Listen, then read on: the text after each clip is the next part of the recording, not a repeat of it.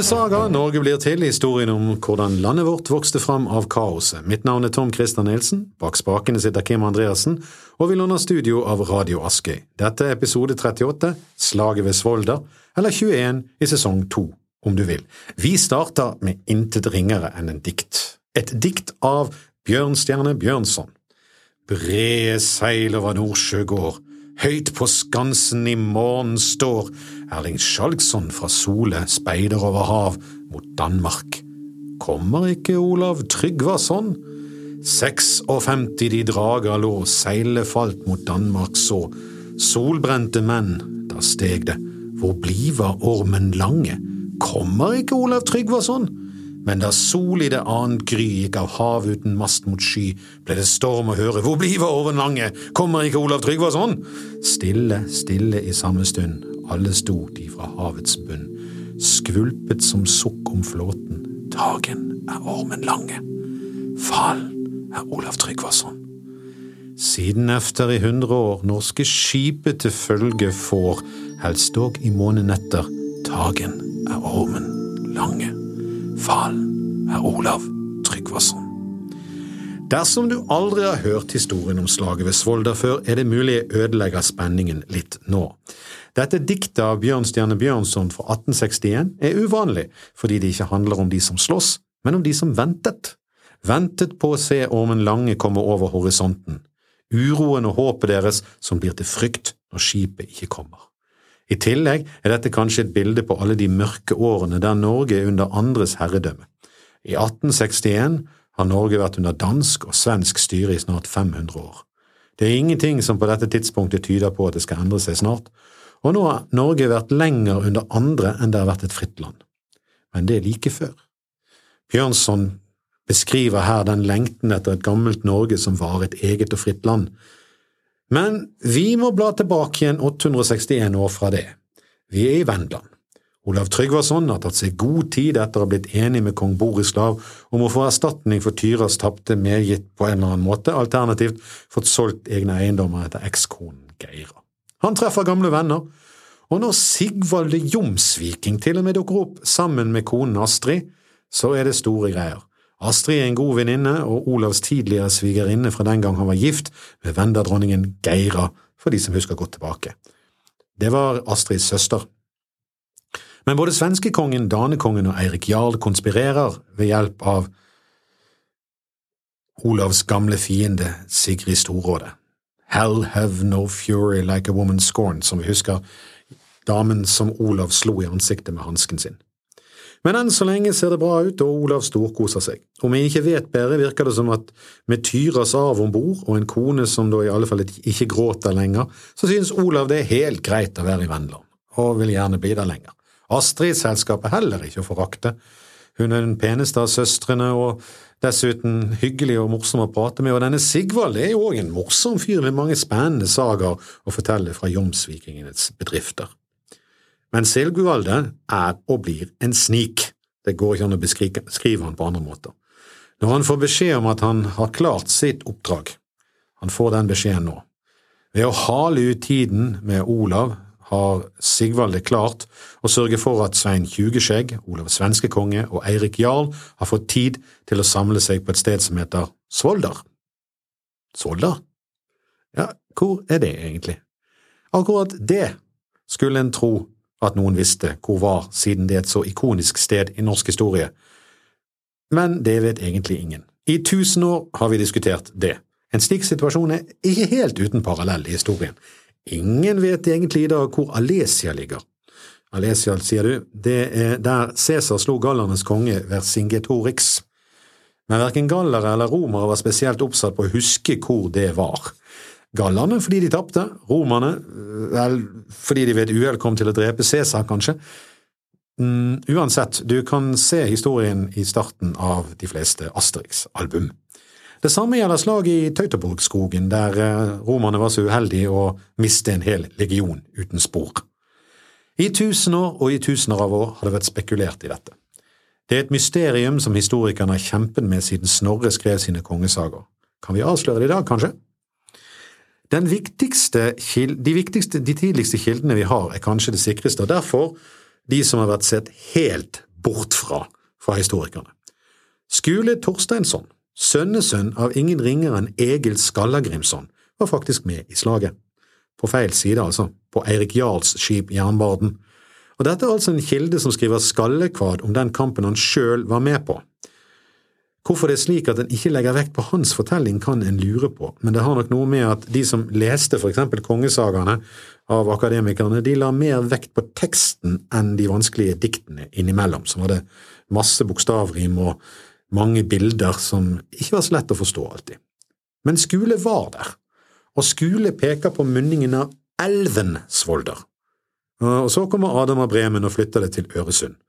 Ågrip plasserer det utenfor Sjælland, den norske munken Theodoricus Monachiaus sender det tilbake til Svolder nå som en øy, og det har blitt det som har festet seg etter at også um, Snorre pekte på en øy. Moderne historikere kastet som vanlig vrak på kvadet og han som var til stede, og deler seg mellom en liten øy kalt Oie og Øresund.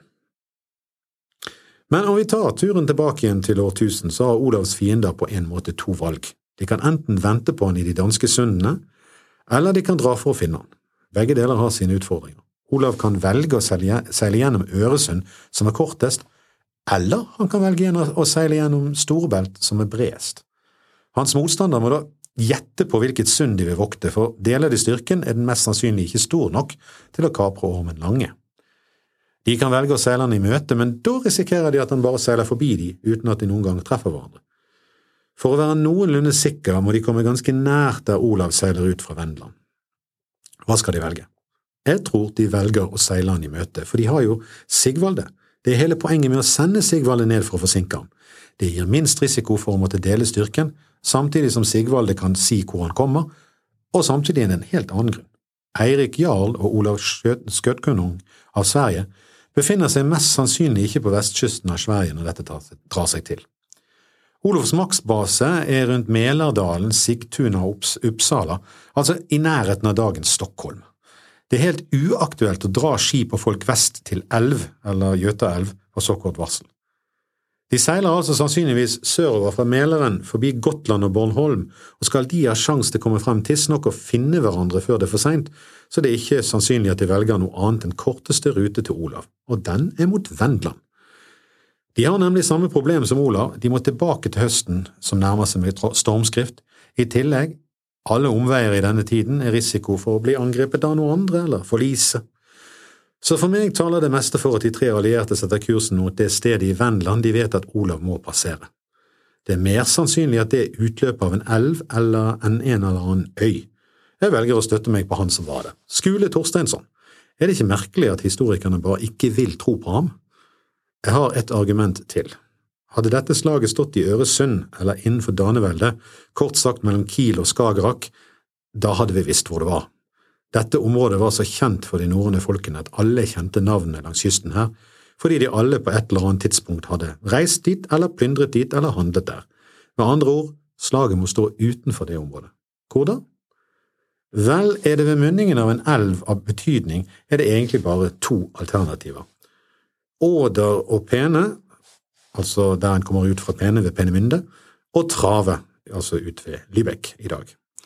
Min gjetning er at Olav kommer ut ved det som i dag er Penemynde, og det er i nærheten av denne munningen at slaget står. Det interessante med det er at det også forener en av de mest populære plasseringene av øyen Svolder, Greifswalder øye, og munningen av en elv, slik Skule beskriver det. De vet tydeligvis, disse medsammensvorne, hvor Olav er. Bare slik kan de ha fått beskjed til Sigvalde, som skal lure han i bakhold.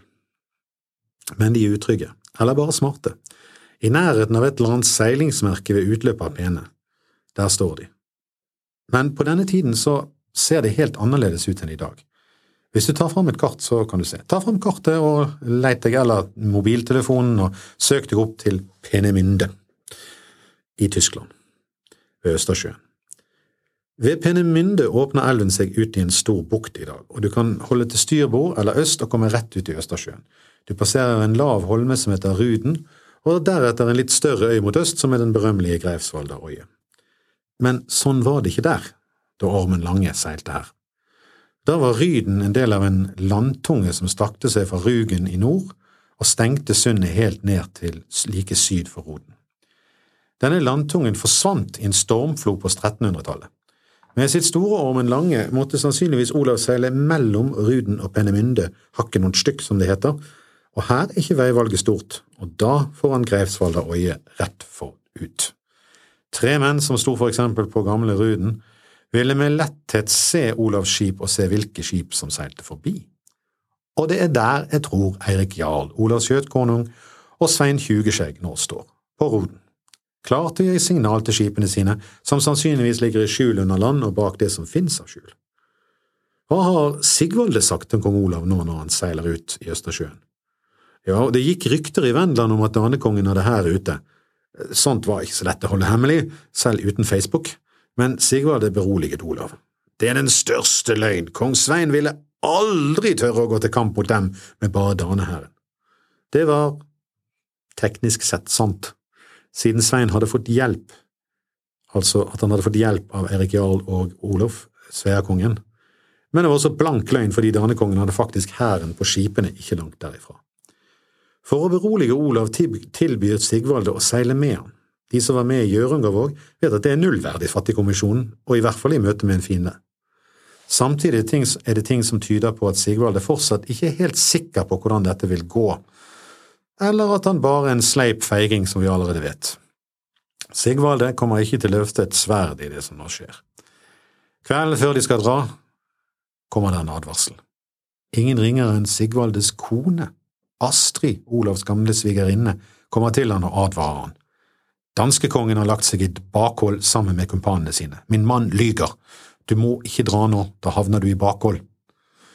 Ikke vil jeg styres av rykter jeg ikke vet er sanne, og ikke vil jeg flykte fra det om det var sant. Olav er fast bestemt, han har ikke så mye valg, men hans er svært oppsatt på å dra, og de kan meget vel finne på å dra uten ham. Leidangstiden var for lengst utløp. Dessuten, Tyra hadde egget ham i år.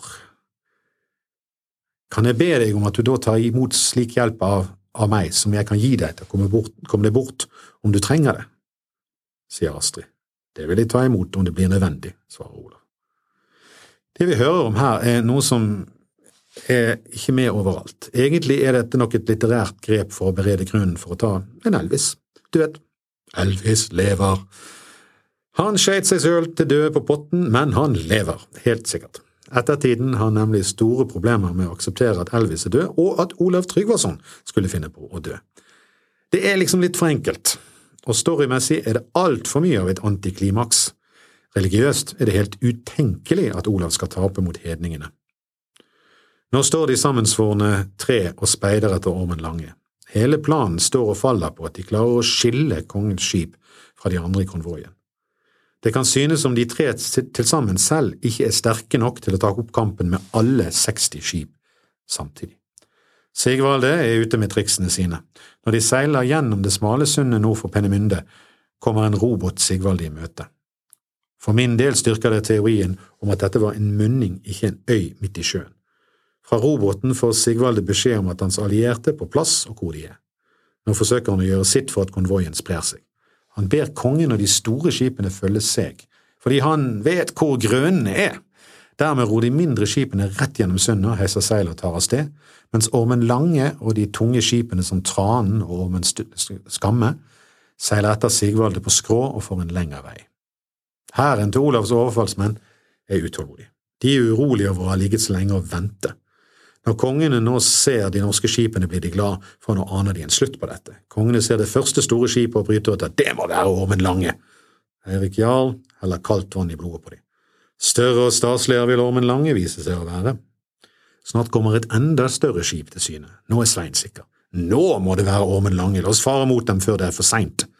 Igjen holder Eirik igjen. Skipet er godt utstyrt, men det er ikke Ormen Lange. For tredje og fjerde gang ser de et stort skip, og Svein vil slå til. Eirik stopper ham nok en gang. Så kommer det femte skipet uten dragehode i stavnen. Svein er helt sikker nå og ler. Nå er Olav Tryggvason redd når han ikke tør å seile med dragehode på skipet sitt. Dette er ikke kongens skip. Det stripete seilet kjenner jeg, det er Erling Skjalgsson fra Jæren. Bare la den seile forbi, for om vi legger til kamp mot Olav, er det bedre at vi slipper å møte disse karene, sier Eirik. Det blir Gny. Svenskekongen mener det vil føre skam over dem om de blir liggende her med hæren, og Olav bare seiler forbi. Men Eirik har rett. Nå begynner likevel folk å bli utålmodige. De vil få kampen unnagjort. Så ser de Sigvaldes skip, og bak dem fire store skip. Nå er kong Svein sikker i sin sak. Dette må være eh, Ormen Lange. Eirik Jarl sier de har mange store skip, og få av dem har seilt forbi, la oss vente. Nå begynner mange å mumle om at Eirik ikke vil slåss mot Olav, at han ikke tør hevne sin far, at han er feig, mens Olav bare seiler forbi. Eirik Jarl blir sint og fornærmet over de ordene, og ber alle sammen gå til skipene. Om dere daner og sveer laster meg for å mangle mot, så vil dere angre de ordene mot kvelden. Nå går alle ned til skipene, og de ser plutselig fire enda større skip, og et av dem en prektig drage, enorm og gullpyntet. Da skjønner de at jarlen har snakket sant, det var ingen feighet, han visste bare bedre hva de ventet på. Hver og en skulle få være takknemlige for hans kalde hode den dagen og for at de slapp å kjempe mot Erling Skjalgsson og de andre som hadde seilt foran. Høyt skal Ormen Lange være med i kveld, den skal jeg styre, utbrøt kong Svein. Om ikke Olav Tryggvason har større skip enn dette, eh, så får du ikke jaget ham med bare danehæren, svarte Eirik. Men skipene de hadde sett var ikke Ormen Lange, det var Tranen og Ormen Skamme. De tre trakk lodd om hvem som skulle få førsteretten til å angripe kongeskipet. Svein vant, Olof ble nummer to og Eirik Jarl tredjemann. Det var vel strengt også, tatt også rangen. Hver av de skulle få de skipene de vant, mens de avtaler dette, ser de nå tre skip seile, voldsomt store, med det fjerde helt sist. Det siste er et stort dragehode som skinner av rent gull. Folk undres over lengden, for det var en drøy stund fra de så framstavnen til bakstavnen kom fram, og nå var det ikke lenger tvil. Dette var Ormen Lange. Sjøen funklet i gjenskinnet fra det gylne dragehodet. Det sies at nå fikk folk en skjelv i brystene av frykt, for de visste at mange ville dø for å ta dette gigantiske skipet. Da skal Eirik Jarl ha sagt, dette vidgjetne skipet passer en slik konge for han er så langt foran andre konger som Ormen Lange er foran andre skip. Det må ha vært temmelig provoserende å høre fra de to kongene som var ved Eiriks side. Har vi her en viss reservasjon fra Eiriks side? Neppe. Dette var jo den beste måten å yppe de to andre kongene til strid, men likevel, også Eirik kjenner nok på det nå. Mange av hans menn skal dø, og kanskje han sjøl før dagen er omme. Størrelsen på Ormen Lange er skremmende, men det er også den som har gjort at de har kunnet ta halve hæren til Olav og la den seile forbi, mens de tyngre skipene sakker akterut. De har løst et problem. Nå er slaget ennå ikke startet, og angriperne har et problem til. De er avhengig av at Olav faktisk vil slåss. Dersom han for eksempel heiser seil og setter til havs, så skal det bli temmelig vanskelig å stoppe han. Det er ikke noe problem å nå igjen Ormen Lange, tung og stor som den er, men det er et problem å få stoppet den, siden den har større moment enn andre skip. Den kan rett og slett bare seile gjennom linjen, tvers igjennom så tung som den er. De må satse på at Olavs ærekjærhet gjør at han ikke vil flykte. Men Olav heiser seil og skal til å seile av sted nordover. Men så ser han Sigvalde, Tranen og Ormen Skamme stryke seil og legge bi. Han seiler nærmere. Sigvald har først strøket seil og lagt seg til under land. Forklaringen er at han vil vente på Olav fordi han mener det kan være ufred foran dem.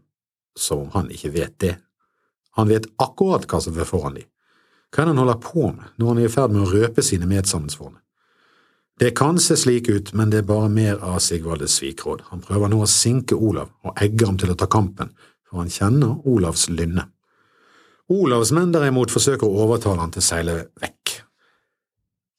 Jeg vil mye heller kjempe enn å flykte, jeg har aldri flyktet i kamp, måtte Gud råde for livet mitt, for det er ingen rett konge som flykter av redsel. Men de har ennå ikke sett hva de skal kjempe mot. Ormen Lange siger frem på moment, og de andre skipene føres jevnt med det ved hjelp av årene. Hva tenker Olav når han får øye på motstanderne? Hans morbror eller onkel Torkel Dyrdel forsøker fortvilet å appellere til ham. Han ser at dette er for mange og for mye, og han er redd for at det vil bety slutten for kong Olav Tryggvason og han sjøl. Herre, dette er en stor overmakt, la oss heise seilene og seile ut i havet. Ingen vil holdes for reddhare om han innser at det er grenser for hva hæren hans kan makte. Olav ser mot fienden. Olav som aldri har tapt et slag og ikke er redd for kamp, og føler seg overlegen alle andre både moralsk og styrkemessig. Og ikke minst, han har den flotteste og største båten av noen. Jeg vil ikke flykte for noen, tenker han. Jeg har de beste mennene, de beste skipene. Når Erling Skjalgsson skjønner at noe skjer og snur, så vil han kunne falle dem i ryggen også.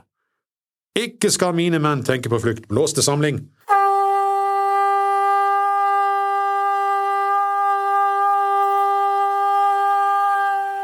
Elleve skip samles med Ormen Lange i midten, Ormen Skamme på den ene siden og Tranen på den andre. Da Olav ser at de begynner å lenke sammen Ormen Lange og Ormen Skamme i baugen, roper han høyt. Legg det store skipet lenger fram, jeg vil ikke være bakerst av alle menn i denne her når kampen begynner. Olav sto ved roret bakerst i Ormen Lange, slik skikken var. Om alle skipene ble festet sammen i baugen, ville det bety at han var lengst bak. Det ville han ikke. Ulv Raue, stavnsbuen til Olav, altså den som sto fremst i skipet, ropte tilbake. Dersom ormen skal lenger frem enn andre skip, da blir det tungt ved saksene.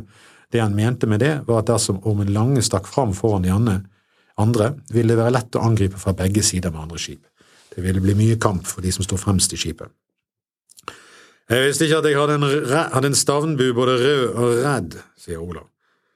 Snu ikke ryggen til meg i dag når du verger løftingen, sa Ulv Olav la en pil på buestrengen og siktet på ulv. Skyt heller der det mest trengst, herre, for jeg tror ikke du vil synes du har for mange menn før kvelden kommer. Så skjer det noe mystisk. Det lille Wenderskipet som har seilt med de alene sørfra, nærmest rente de inn bakfra. En mann reiste seg i stavnen og snakket med kongen på et språk ingen forsto. Olav svarte på samme språk. Mennene om bord undret seg hvem dette var, og kongen svarte bare uklart. Ennå var ikke kampen kommet i gang, men nå lå skipene slik Olav ville. Nå kunne de bare komme. Olav er sikker på at han vil vinne denne dagen også. Han kjenner blodet bruse i den rusen som han kjenner så godt fra alle tidligere kamper. Han er lett å kjenne igjen, med en rød silketrøye over brynjen. Alle hans menn gjør seg klar til kamp. Kanskje kaster han et blikk nordover for å se om Erling Skjalgsson kan skimtes, men det stripete seilet er ikke å se. Det var det for denne gang. Hvordan det går med kampen, må du vente til neste episode å høre. Dette var episode 38, Slaget ved Svolder, del 1. Jeg er Tom Christer Nilsen og står bak manus og miksing, og bak spakene sitter Kim Andreassen her i Radio Askøy studio. Spørsmål og kommentarer kan sendes til tom.christer.gmail.com. Vi avslutter med et vers fra Håvamål som passer til dette bakholdet. Augor du bruker før inn du gjeng i kott og kråm, i kott og kråkom, for det er uvisst å vite hver uvener sitt fører din fot.